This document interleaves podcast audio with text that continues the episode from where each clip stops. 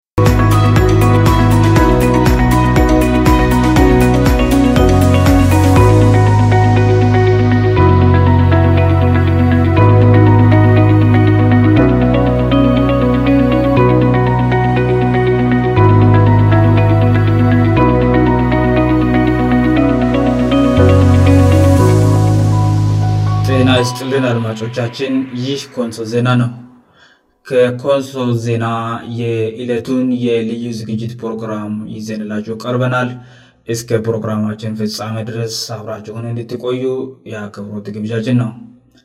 የዛሬ ዝግጅታችን ሁለቱ ዘራፊዎች በምድሪስ የተዘጋጀ አጠር ያለ ፕሮግራም ነው በዚህ ፕሮግራም ላይ ሁለቱ ዘራፊዎች በየ የሚጠቅሳቸው በብዛት ያለፍንባቸውን ጊዜያትና ወደፊት የምኖረውን ህወት እየተመለከተ ሀሳብ ነው ሁ አንድ አባባል አ በእንግሊኛና በአማርኛምን ማለት ነው ሳቡ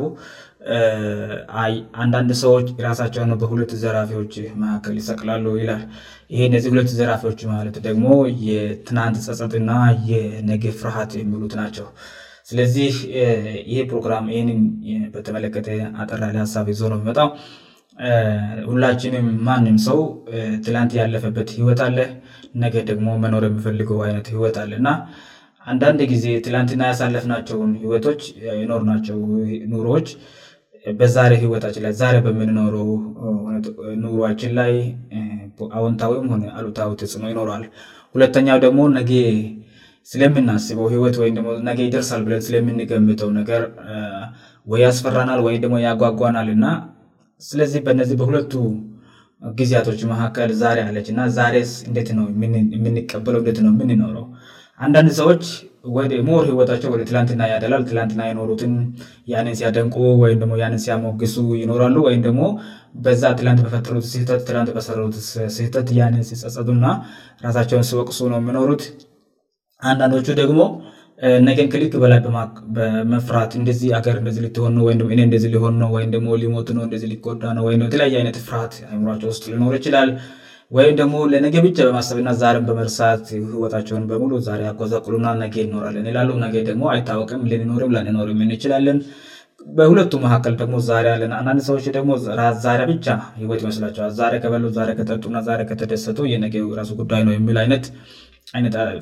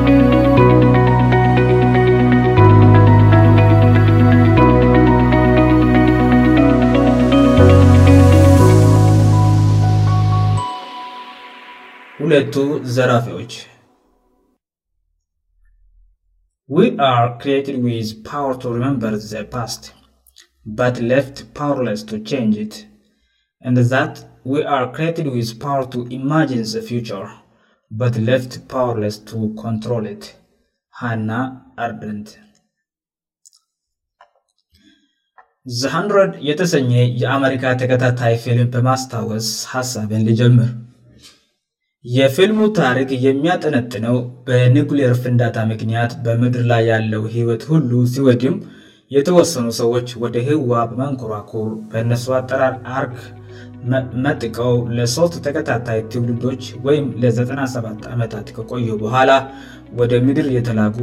100 ወጣት ወንጀለኞች ዙሪያ ነው በመንኮራ ኩሉ ላይ በተፈጠረው የኦክሲጂን ጥረት ምክንያት ወደ ምድር መመለስ ቢፈልጉም ግን መረት ለመኖር አመቺናት ወይስ አይደለችም የሚለውን ሁኔታ እንዲያጣሩ ነበር የወጣቶቹ መላክ ወጣቶቹ ወደ ምድር ሲደርሱ መረት ለመኖር አመቺ ብትሆንም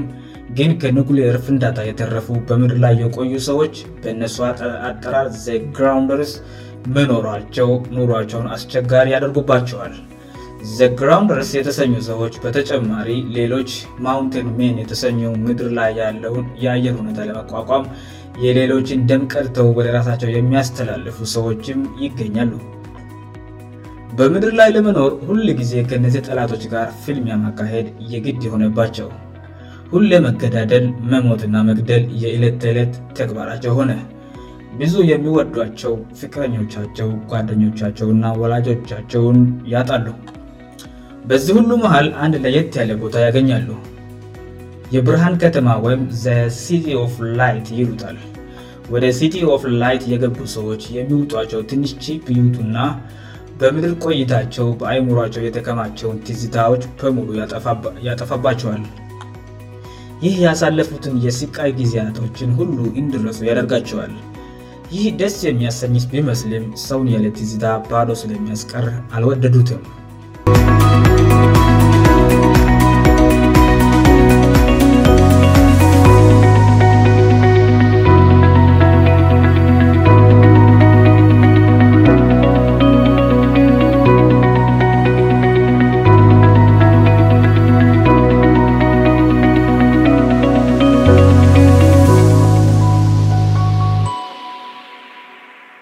ባት ያለምንም ትዝታ መኖር ያስጠላይ እንደሆነ ለማሰብ ብሞክር እንም ደስ አላለኝም ትናንት የሌለም ሰው ስለምንም ነገር በጎሆነ ክፉ የማያስታውሰው ሆነው መገኘት ምን አይነት ስሜት እንደሚፈጥር ሲገምጠው ራሱ እያስፈራኛል ሰውም መሆን ማለት አንዱ መገለጫ ትናንት ያሳለፍነው ህይወት በይምሯችን ውስጥ ተመዝግበ መገኘቱ ጋር ይመስለኛል ለአቅምማስታወስ የደረሰ ወይም ጤናኛ የሆነ ሰው ሁሉ ትናንት የኖረ ህይወት በመጠኑም ቢሆን በአይሙሮ ጓዳ ተመዝግበው መቆየቱ አይቀረ ነው ያሳለፍናቸው መልካም ጊዜያትም ሆነ ማስታወስ እንኳን የማንፈልጋቸው አስጠሌጣ ኪስጥቶቻችን በአንድ ላይ አጭቆ የመያዝ አቅም አለው አይሙራችን እንደዚሁም ደግሞ ነገል እንደርስበት የምንሻው ህልም ወይም እንዳይደርስብን የምንፈልገውእና የምንፈራው አንዳችን ነገር ይኖረናል እንዲሆንልን የምንፈልገው ህልም አካል ልብሶ በውን አይናችን እስከምናየው ድረስ በአእሙራችን ውስጥ ቅርጽ ይዞ ይቀመጣል በነዚህ ሁለቱ ጊዜያት ማለትም በትናንትናና በነገ መካከል ዛሬ ደግሞ አለ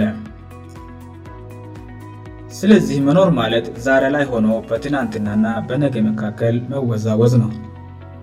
ማንም ስጋ ለባሽ ከነዚህ ጊዜያት ቁጥጥር ውጭ ሊሆን አይችልም ጊዜ ከሰው ቁጥጥር ውጭ ስለሆነ ስለሆነ ማናችንም በትናንትና ውስጥ አልፈን ዛር ላይ ተገኝተናል ፈጣሪ ድሜከሰጠን ደግሞ ጊዜውጊዜውን ጠብቆ ይመጣል ትናንትን መሰረዝ አንችልም ዛረን መኖር የምርጫ ጉዳይ ነው ነገም በጊዜው ይመጣል ብዙም ጊዜ ሰዎች የሚቸገሩት በነዚህ የጊዜ አንጓዎች መካከል ሚዛን መጠበቅ ሲያቅታቸው ነው ከሦስቱ የጊዜ አንጓዎች ወደ አንዱ ካጋደለ የኑሮ መረበሽ ያስከትላል ትናንትን በጸጸት የሚያስታውስ ሰው ዛርያን በአቅባቡ መኖር አይችልም ዛርያን በአቅባቡ ካልኖር ነጌ የተለየ ነገር ማየት አይችልም ይህ ሰው በትናንት ታርክ የፍጥኝተቀፍድዶ ባለበት እየረገጠ የሰቆቃ ኖሮን ይገፋል ዛርያን በአቅባቡ ያልተጠቀመ ሰው ወይ ወደ ደምጠላ ነጌ ውጠቱን ያጭደዋል ዛሬ የሚዘራውን ነገ የሚያጭደው ነው ከባዱ ነገር ደግሞ ዛሬ የሚዘራው ነገር የመምረጥ ምርጫ በኖሮም የነገ ውጥቱን መምረጥ ግን ኢድላ የሚያኑየማያገኝ መሆኑ ነው በሌላ መንገድ ነገን ታሳቢ ያላደረገና ዛሬን ብቻ ግቡ አድርጎ እኔ ከሞት ኩሰርዶ አይቀል ወይም ህይወት አጭርናትና ዛሬ ብላ ጠጣ ተዝናና በሚል ራስ ወዳድ የሰነፎች ፍልስፍእና ተጠርንፎ ከዛሬ የማሻገር ስራ መስራትም ለትውልት ኢዳ ማውረዝ ነው ነጌ ደግሞ ምን ይዞ የምጣየሁን በምል ስጋት የተሰንጎ መኖርም ሌላ ፈተና ነው ስለዚህ በጭሩ አንድ ሰው በትናንትናና በዛርና በነገ መካከል ያለውን ሊገኛ መንገድ አውቆ በአባቡ መያዝ ከቻለ ውጠታማ የመሆንበት ድሉ ከፍተኛ ይሆናል ክፉም ደግ ቲዝታዎቻችን የማንነታችን አካል ናቸው ሰው የመሆናችን አንዱ ምስጥር ማስታወስ መቻላችን በመሆን ነው ሚሞሪያችን እንደ ኮምፒውተር ዲስክ የምንፈልገውን ብቻ መርጠን እያስታወስን የማንፈልገውን ክፍት ስታዎቻችንን ደሊት ማድረግ የሚያስችልን አይደለም ይህንን ሳቤ ወደ አገር ደረጃ መውሰድም የሚስራ ይመስለኛል አገርም እንዲሁ እንደ ማነኛውም ግለሰብ በትናንት ዛሬና ነጌ ውስጥ አልፋለች ትናንት ሀገራችን ያለፈችበት የራሷ ታርክ አላት ዛሬ እኔና እናን የተገኘንበት ይሄ ዘመን አለ የዓለም መጨረሻ እስካልመጣ ድረስ ነጌን ኖራለን እኛ ባንኖር ትውርዱ ይቀጥላል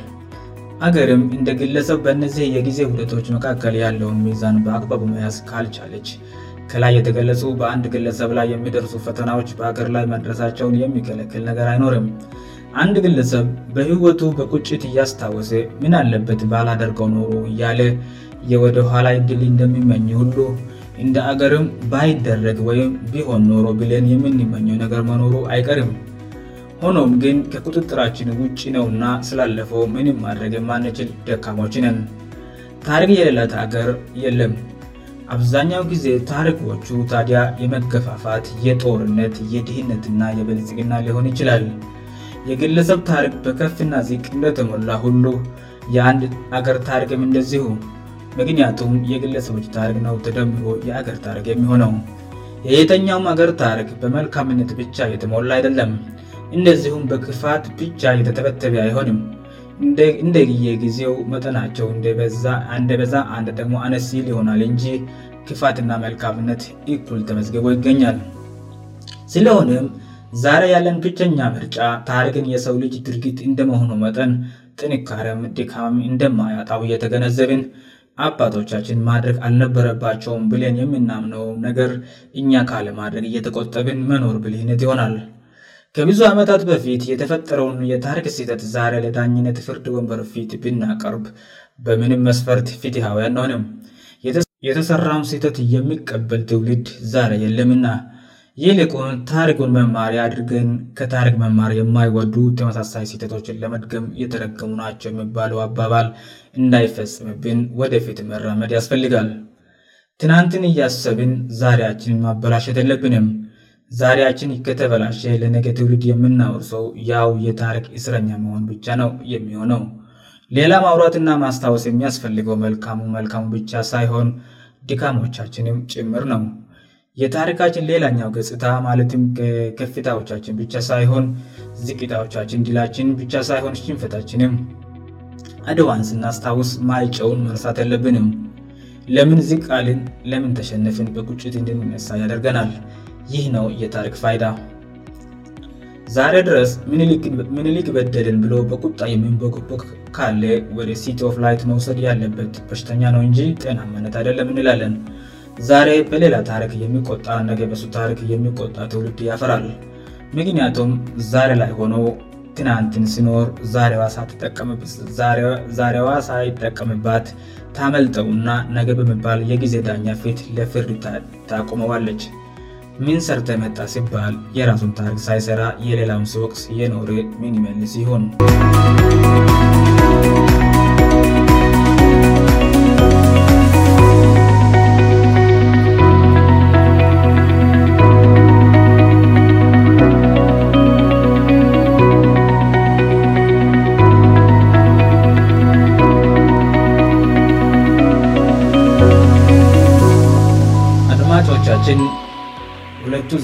በሚል ዝግጅት ያቀረብላችሁ ዝግጅት ይህንን ይመስላል